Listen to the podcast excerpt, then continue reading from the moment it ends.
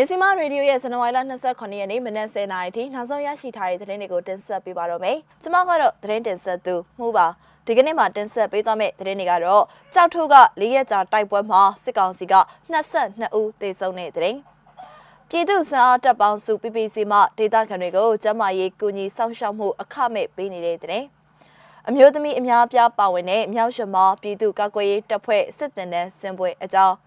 ဂွာတီမာလာမှာရှိတဲ့ဌာနေတိုင်းရင်းသားအမျိုးသမီးတွေအပေါ်လိမ်မိုင်းဆိုင်ရာစော်ကားမှုနဲ့ပြည်သူစစ်ရဲဘော်ဟောင်းတွေကိုပြစ်ဒဏ်တွေချမှတ်တဲ့တဲ့အဆရှိတဲ့တဲ့တွေကိုတင်ဆက်ပေးသွားမှာပါ။ဦးဆောင်တဲ့အနေနဲ့ကြောက်ထုက၄ရက်ကြာတိုက်ပွဲမှာစစ်ကောင်စီက22ဦးသေဆုံးတဲ့တဲ့ရင်ကိုတင်ဆက်ပေးကြပါမယ်။ မကွေးတိုင်းကြောက်ထုမြို့နယ်မှာဇန်နဝါရီလ22ရက်နေ့ကနေ25ရက်အတွင်း၄ရက်ကြာတိုက်ပွဲမှာအထိနာခဲ့တဲ့စစ်ကောင်စီဟာကျွေးရသားတွေရဲ့စားတောက်ကုန်တွေအပြင်ထမိန်တွေကိုပါခိုးယူသွားတယ်လို့ဒေသခံတွေစီကနေသိရပါတယ်။ တိုက်ပွဲအတွင်းစစ်ကောင်စီက22ဦးထပ်မံသေဆုံးပြီးတော့အများအပြားဒဏ်ရာရရှိခဲ့တယ်လို့သိရပါတယ်။မိရဲ့ကျေးရွာကကြက်စီဆန်စာငပိငရုတ်ချက်သွန်တွေအပြင်အမျိုးသမီးလုံကြီးအစုံခိုးယူစားသုံးပြီးတော့မနေ့ကနှေကင်းပိုင်းကကြောက်ထုဘက်ကိုပြန်ထွက်သွားတယ်လို့ကြောက်ထု PDF ရဲ့တာဝန်ရှိသူကပြောပါတယ်။ဒါအပြင်ကြီးကြီးရွာကဆက်နဲ့ဆိုင်ကယ်တွေကိုလည်းခိုးယူသွားကြကြောင်းနဲ့ရွာသားတွေရဲ့ပစ္စည်းတွေကိုပါဖျက်ဆီးသွားကြတယ်လို့သိရပါတယ်။လေးရတာတိုက်ပွဲအတွင်းကြောက်ထု PDF တပ်ဖွဲ့ဝင်3ဦးတိုင်းပြည်အတွက်အသက်ပေးလှူခဲ့ရကြောင်းလည်းသိရပါတယ်ရှင်။ဆက်လက်ပြီးပြည်သူ့စွမ်းအားတပ်ပေါင်းစု PPC မှဒေသခံတွေကိုကျန်းမာရေးကူညီဆောင်ရှောက်မှုအခမဲ့ပေးနေတဲ့တဲ့တင်ကိုတင်ဆက်ပေးကြပါမယ်။ မကွေးတိုင်းခြေဆိုင်ပြည်သူ့ဆောင်တပ်ပေါင်းစု PPC မှဒေသလိုအပ်ချက်အရကျန်းမာရေးဆောင်ရှောက်မှုတွေအခမဲ့ကုသပေးလျက်ရှိနေကြောင်းပြည်သူ့ဆောင်တပ်ပေါင်းစုကသတင်းထုတ်ပြန်ထားပါတယ်။သူတို့အနေနဲ့ဒေသတွင်ဂရင်30ဆန်တဲ့စေယုံအဆင့်ထိရောက်ရှိဖို့စ조사ဆောင်ရွက်နေလျက်ရှိပြီးတော့လက်ရှိမှာလိုအပ်ချက်အရခွဲစိတ်ဖို့လိုအပ်နေတဲ့လူနာတွေကိုပဲအတက်နိုင်ဆုံးစ조사ပြီးကုသလျက်ရှိပြီးတော့လိုအပ်ချက်အရမွေးလူနာတွေကိုလည်းမွေးဖွားပေးလျက်ရှိကြောင်းသိရပါတယ်။ စစ်ကောင်စီအနေနဲ့တော်လိုင်းအင်အားစုတွေနဲ့တော်လိုင်းတပ်ဖွဲ့များရှိရာဒေသတွေကိုညီတို့ပင်ဖြတ်လေးဖြတ်ဖြတ်ထားစေကမှုတော်လိုင်းအဖွဲ့တွေဟာစစ်ကောင်စီရဲ့အကူအညီမပါဘဲနဲ့လဲပတ်အလုံးလုံးနိုင်တာကိုပြသနိုင်ခြင်းမှာတော်လိုင်းအတွက်အောင်မြင်မှုတစ်ခုခုဆိုရမှာဖြစ်ကြောင်းပြည်သူ့စွမ်းအားတပ်ပေါင်းစု PPC ကသတင်းထုတ်ပြန်ထားပါတယ်ရှင်။ အမျိုးသမီးအများပြားပါဝင်တဲ့မြောက်ရမပြည်သူ့ကာကွယ်ရေးတပ်ဖွဲ့စစ်တပ်နဲ့စစ်ဝဲအကြောင်းကိုတင်ဆက်ပေးကြပါမယ်။စကိုင်းတိုင်းရမပင်မြို့နယ်အခြေဆိုင်မြောက်ရမပြည်သူ့ကာကွယ်ရေးတပ်ဖွဲ့စစ်တပ်နဲ့စစ်ဝဲကိုဇန်နဝါရီလ26ရက်နေ့ကတော်ရင်းတနေရာမှာပြုလုပ်ခဲ့ကြောင်းသိရပါတယ်။စစ်တပ်နဲ့စစ်ဝဲမှာအမျိုးသမီးစစ်တီတော်အများပြားနဲ့အမျိုးသားစစ်တီတော်တွေပါဝင်ခဲ့ကြောင်းလည်းသိရပါတယ်။ကျွန်တော်တို့မြောက်ရမပြည်သူ့ကာကွယ်ရေးတပ်ဖွဲ့ရဲ့စစ်တပ်နဲ့ဆင်းပွဲကိုဒီကနေ့တော်ရင်တနေရာမှာကျင်းပပြုလုပ်ခဲ့ပါတယ်။ အဲဒီစစ်တပ်နဲ့စစ်ပွဲမှာဆိုရင်အမျိုးသမီးရဲဘော်တွေအများပြားပါဝင်ခဲ့ပါတယ်စစ်တပ်နဲ့သားလူရီကတော့အမျိုးသားအမျိုးသမီးစုစုပေါင်း300နီးပါးရှိတယ်လို့မြောက်ရမပြည်သူ့ကာကွယ်ရေးတပ်ဖွဲ့ပြောရေးဆိုခွင့်ရှိသူကိုခန့်ကပြောပါတယ်သူတို့တပ်ဖွဲ့အနေနဲ့ရမပင်ခရိုင်အတွင်းမှာရှိတဲ့တော်လိုင်းအဖွဲ့အချို့နဲ့မဟာမိတ်ပြုလုပ်ထားကြောင်းလည်းဆိုပါတယ်။ဒါအပြင်ရမပင်ခရိုင်အတွင်းမှာရှိတဲ့တော်လိုင်းတပ်ဖွဲ့တွေနဲ့လက်တွဲပြီးတော့စစ်ကောင်စီတပ်တွေကိုရရလက်နက်ဆွဲကင်ကတိုက်ပွဲဝင်နေတဲ့တပ်ဖွဲ့တစ်ခုလည်းဖြစ်ပါတယ်ရှင်။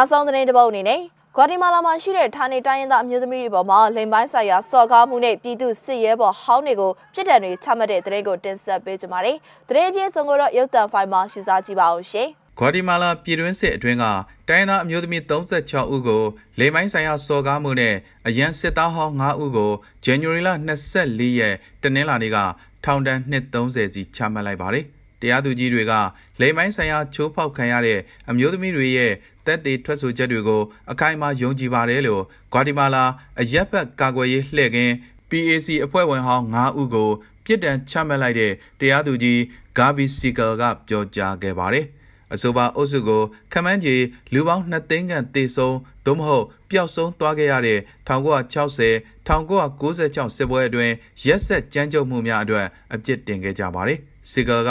သူတို့ရဲ့လူသားမျိုးနွယ်ပေါ် ကျူးလွန်တဲ့ရာဇဝတ်မှုတွေအတွက်စီရင်ချက်ချလိုက်တာဖြစ်တယ်လို့ပြောကြားခဲ့ပါတယ်။အသက်63နှစ်နဲ့58နှစ်အရွယ်ဘင်ဘီနိုတူနဲ့ဘာနာဒိုရုစ်တို့ညီကိုနှိုးနဲ့အတူဆွေမျိုးသားချင်းတော်ဆက်တဲ့အသက်60အရွယ်ဒါမီအန်ဂါဘရီယယ်နဲ့ Francisco Cusan တို့9ဦးကို1981ကနေ1985ခုနှစ်အတွင်း၎င်းတို့ပြစ်မှုကျူးလွန်ခဲ့ရာဂွာတီမာလာစီးတီးရဲ့မြောက်ဘက်ရာဘီနယ်မြို့အနီးကအကျဉ်းတောင်မှာ အွန်လိုင်းတရားရုံးကနေတဆင့်ပြစ်ဒဏ်စီရင်ခဲ့တာဖြစ်ပါတယ်။ရာဘီနယ်မြို့နေလူတို့ဟာစစ်ပွဲရဒဏ်ကိုအထူးသဖြင့်ခံစားခဲ့ရပြီးလူပေါင်း3000ကျော်ရဲ့ရုပ်အလောင်းတွေကိုအစုလိုက်အပြုံလိုက်မြုပ်ထားတဲ့တင်ကြိုင်တစ်ခုကိုတောင်တွေ့ခဲ့ကြရပါတယ်။မကြသေးမီဆယ်စုနှစ်တွေအတွင်းအမျိုးသမီး36ဦးကစစ်အတွင်းလိမ်ပိုင်းဆိုင်ရာအကြမ်းဖက်ခံခဲ့ရကြောင်းတိုင်တန်းခဲ့ကြပါတယ်။တိုင်တန်းမှုကိုစတင်တင်ပြပြီးတဲ့နောက်ဆယ်စုနှစ်တစ်ခုကြာ January လ9ရက်နေ့မှာရုံးချိန်စတင်ခဲ့ပါတယ်။ စီရင်ချက်ချမဲ့နေ့မှာတက်ကြွလှုပ်ရှားသူတို့ကဂွာတီမာလာစီးတီးရဲ့တမိုင်းဝင်နေရာဖြစ်တဲ့ Toridi Tribunal ရှိပလာဇာတစ်ခုမှာပန်းတွေနဲ့ဖျောင်းတိုင်တွေကိုကင်ဆောင်ပြီးအခမ်းအနားကျင်းပခဲ့ကြပါတယ်။ကျမအသက်16နှစ်တုန်းကတက်ကွဲတစ်ခုကခေါ်သွားပြီးစစ်သားတွေကအဓမ္မပြုကျင့်တာကိုခံခဲ့ရပေမဲ့အပြစ်ပေးရမယ့်သူတွေကကျမတို့ရွာကအရန်ပြည်သူစစ်တွေပါပဲလို့အခုအသက်59နှစ်အရွယ်မာဂါရီတာစီအာနာက AFP ကိုပြောပြခဲ့ပါတယ်။ စစ်စခန်းအတွင်းမှာ3လကြာအောင်ကျမအများကြီးခံစားခဲ့ရတယ်လို့အမျိုးသမီးကဆိုပါတယ်မိသားစုဝင်တွေရှိမှကျူးလွန်မှုများအပြင်အကျို့ကျူးလွန်ခံရသူတွေရဲ့ထွက်ဆိုချက်အရတိုင်းသားအမျိုးသမီးအများအပြားကိုတပ်ဖြတ်ခြင်းသို့မဟုတ်ခင်ပွန်းတယ်တွေကိုတပ်ဖြတ်ပြီးအာရမပြုကျင့်ခြင်းတွေပြုလုပ်ခဲ့တယ်လို့ဆိုပါတယ်။ဒါကငါတို့ကိုနာကျင်စေတော့မယ်။ငါတို့မှုသားမပြောဘူးလို့၎င်းတို့ထဲကတူဖြစ်သူပက်ဒရီနာလိုပက်စ်ကပြောကြားခဲ့ပါတယ်။ ဂွာတီမာလာရှိကုလလူအခွင့်အရေးဆိုင်ရာမဟာမင်းကြီးရုံးကယခုစီရင်ချက်ဟာစစ်ပွဲအတွင်းလိမ်ပိုင်းဆိုင်ရာအကြမ်းဖက်ခံခဲ့ရသူအမျိုးသမီးငယ်တွေအတွက်အမှန်တရားတရားမျှတမှုနဲ့ရော်ကြီးရပိုင်ခွင့်များအတွက်အထင်ကရတိုးတက်မှုဖြစ်ကြောင်း Twitter မှာပြောကြားခဲ့ပါတယ်။မြစီမရေဒီယိုရဲ့ဇန်နဝါရီလ29ရက်နေ့မနက်10:00နာရီထိနောက်ဆုံးရရှိထားတဲ့သတင်းတွေကိုတင်ဆက်ပေးခဲ့တာပါ။နားဆင်ပေးခဲ့တဲ့အတွက်ကျေးဇူးတင်ပါတယ်ရှင်။